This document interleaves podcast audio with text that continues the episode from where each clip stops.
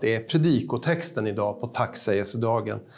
Jag har alltså valt de inledande verserna från vår gammaltestamentliga text.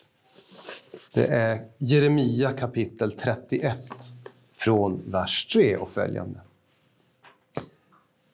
Fjärran ifrån uppenbarade sig Herren för mig. Med evig kärlek har jag älskat dig.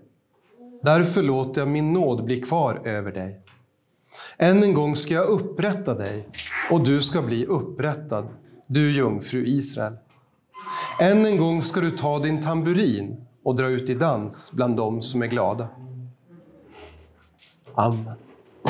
Herre, inskriv dessa ord i våra hjärtan. Amen.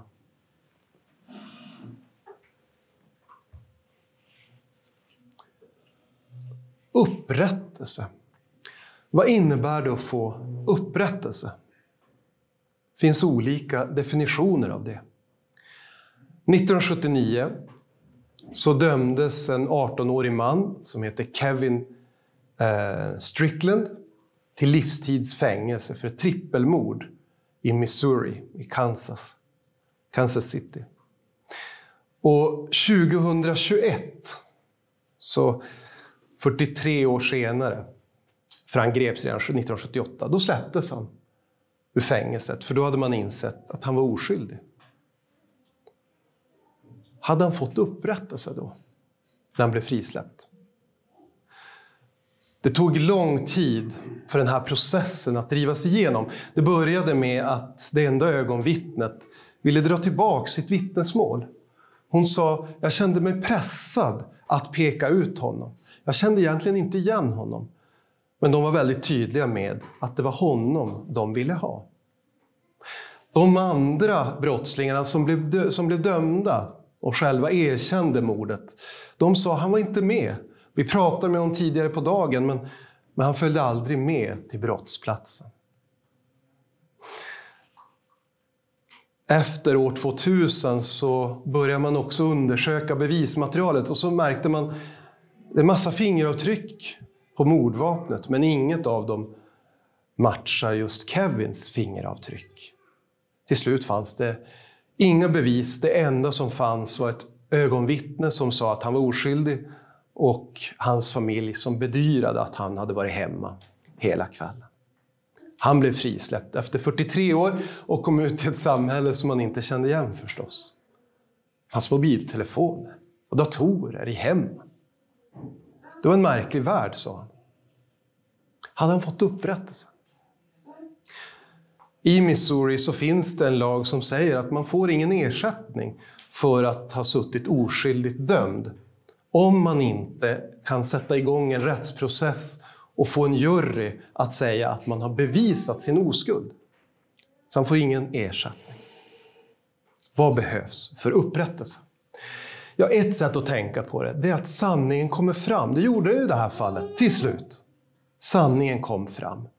Han fick komma ut i fängelse. De som trodde att han var en trippelmördare, de som fortfarande levde efter 43 år, fick höra att han var oskyldig. Det är väl en del av upprättelse.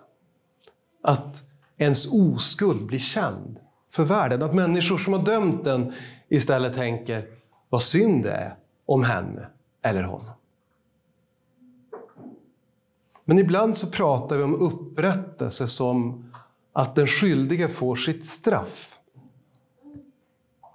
I januari 2018 då dog en 43-årig trebarnspappa som hette Thomas Ekenstein i Hedemora.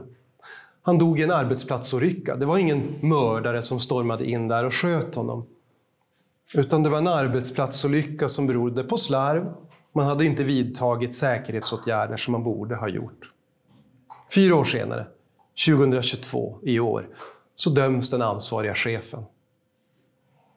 Och då talar familjen, hans fru framför allt, kanske hans barn också, och media om att familjen har fått upprättelse. Därför att den skyldiga har fått sitt straff. Det är också ett sätt att se på upprättelse. Nu är det liksom jämvikt så. Det är inte bara upprättelse i världens ögon som handlar om att sanningen ska komma fram eller att den skyldige ska få sitt straff.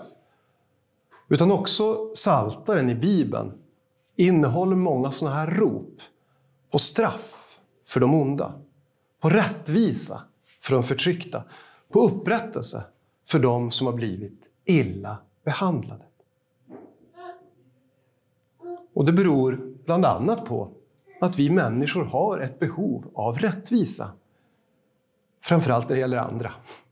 Vi vill att de som gör onda saker ska få ett straff, annars känns det fel. Och en del människor viger hela sina liv åt att söka sån här upprättelse. Jag kan inte vila, säger de, förrän de skyldiga sitter bakom lås och bom. Eller, jag kan inte vila förrän den oskyldige har fått upprättelse. Men i de här fallen, då handlar upprättelse om skuld och oskuld. Om att vara skyldig eller inte vara skyldig. Och det är så vi tänker på upprättelse. Hur är det med upprättelse i Bibeln? Och ibland handlar det också faktiskt om rättvisa för den oskyldiga. Det kanske mest kända exemplet i Bibeln, det är väl Josef. Även om man kan tycka att han var lite kaxig sådär med sina bröder, så inte tycker någon ändå att han är, förtjänar att bli såld som slav till Egypten. Och när han väl kommer dit och tjänar troget i Puttifars hus, då blir han oskyldigt anklagad av Puttifars hustru och kastad i fängelse. Han har inte gjort något. Det han gjorde egentligen var ju att göra det rätta. Och därför skyller hon på honom. Men Josef han får ju upprättelse kan vi tycka. För han blir frisläppt och inte bara det, han blir också faraos högra hand. Han blir rik, mäktig, inflytelserik och kan hjälpa sin familj där hemma i Kanans land. Men ofta så handlar upprättelse i Bibeln inte om rättvisa utan om nåd för den som egentligen är skyldig. När Gud upprättar så gör han det ofta i Bibeln, inte på grund av att nya bevis har kommit fram.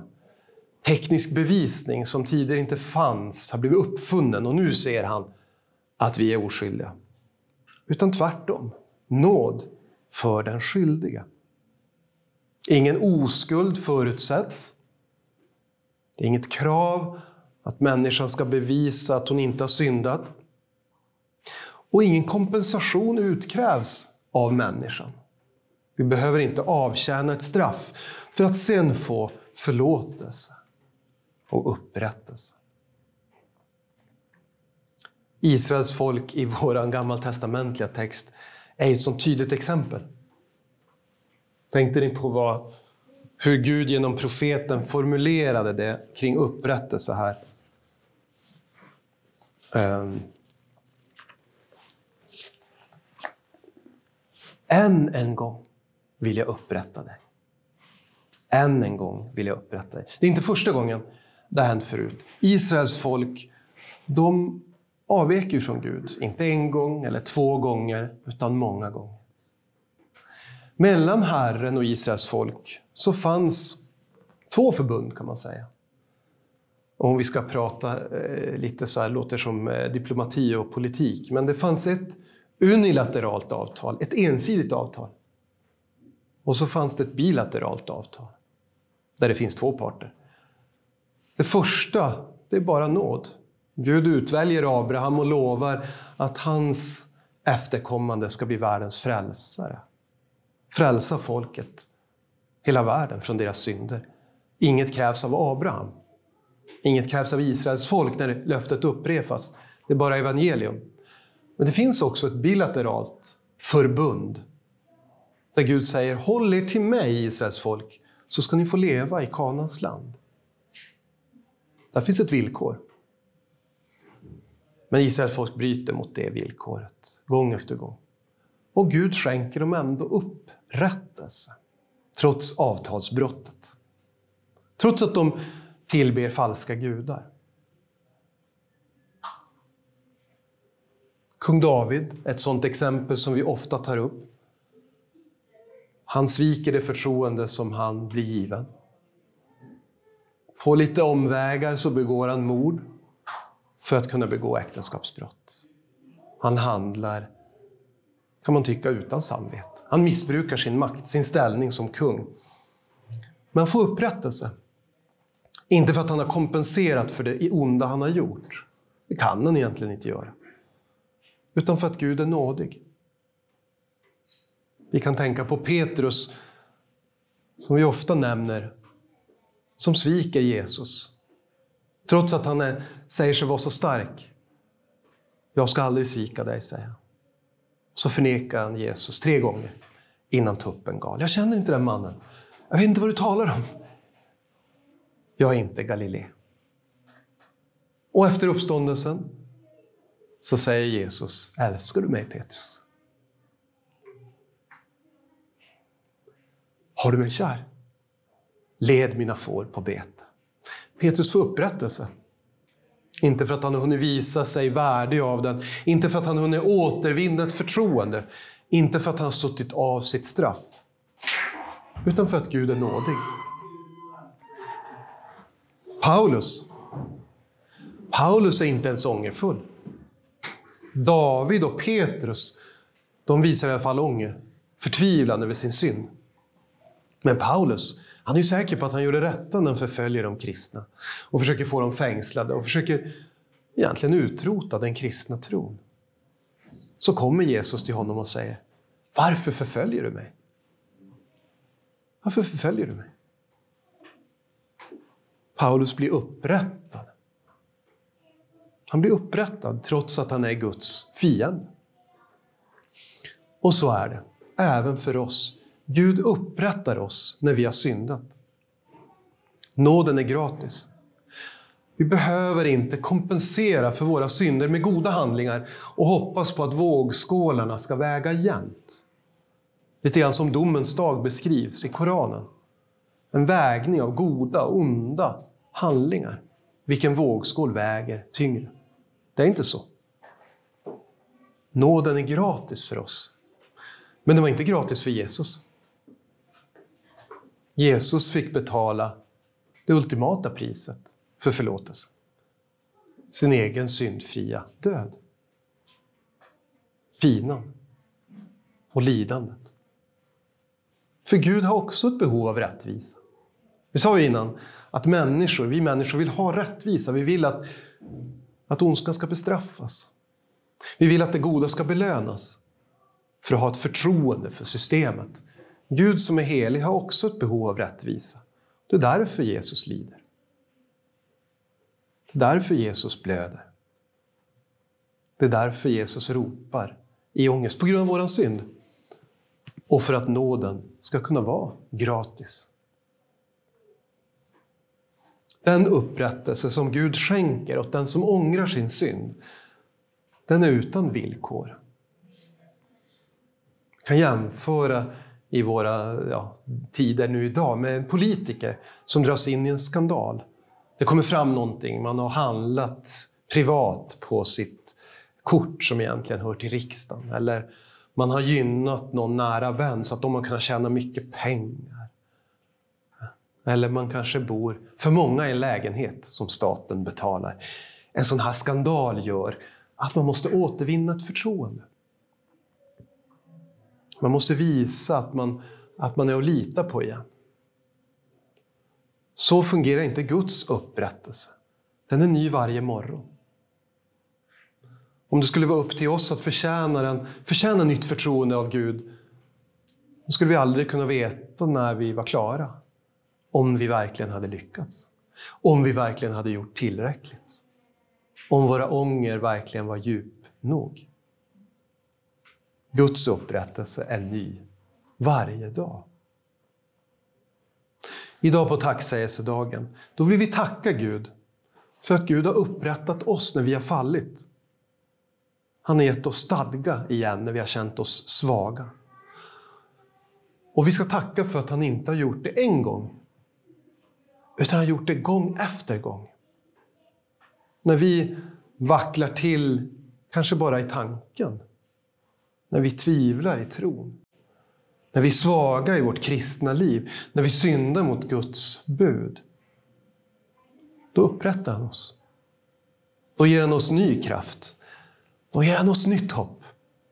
Då ger han oss ny stadga när vi själva är svaga. Att få upprättelse i Guds ögon, det innebär att få ta emot en gåva vi inte har förtjänat, men som han ändå ger med glädje, av nåd och kärlek. Amen. Låt oss be. Käre Herre, tack för förlåtelse och upprättelse. Tack att vi får bekänna våra synder och så börja om. Tack för att du har tålamod med oss.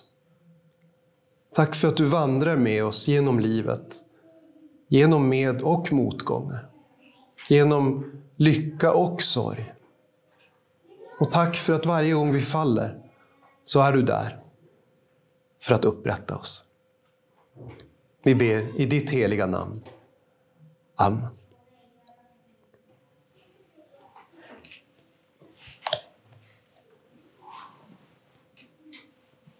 Mm, 326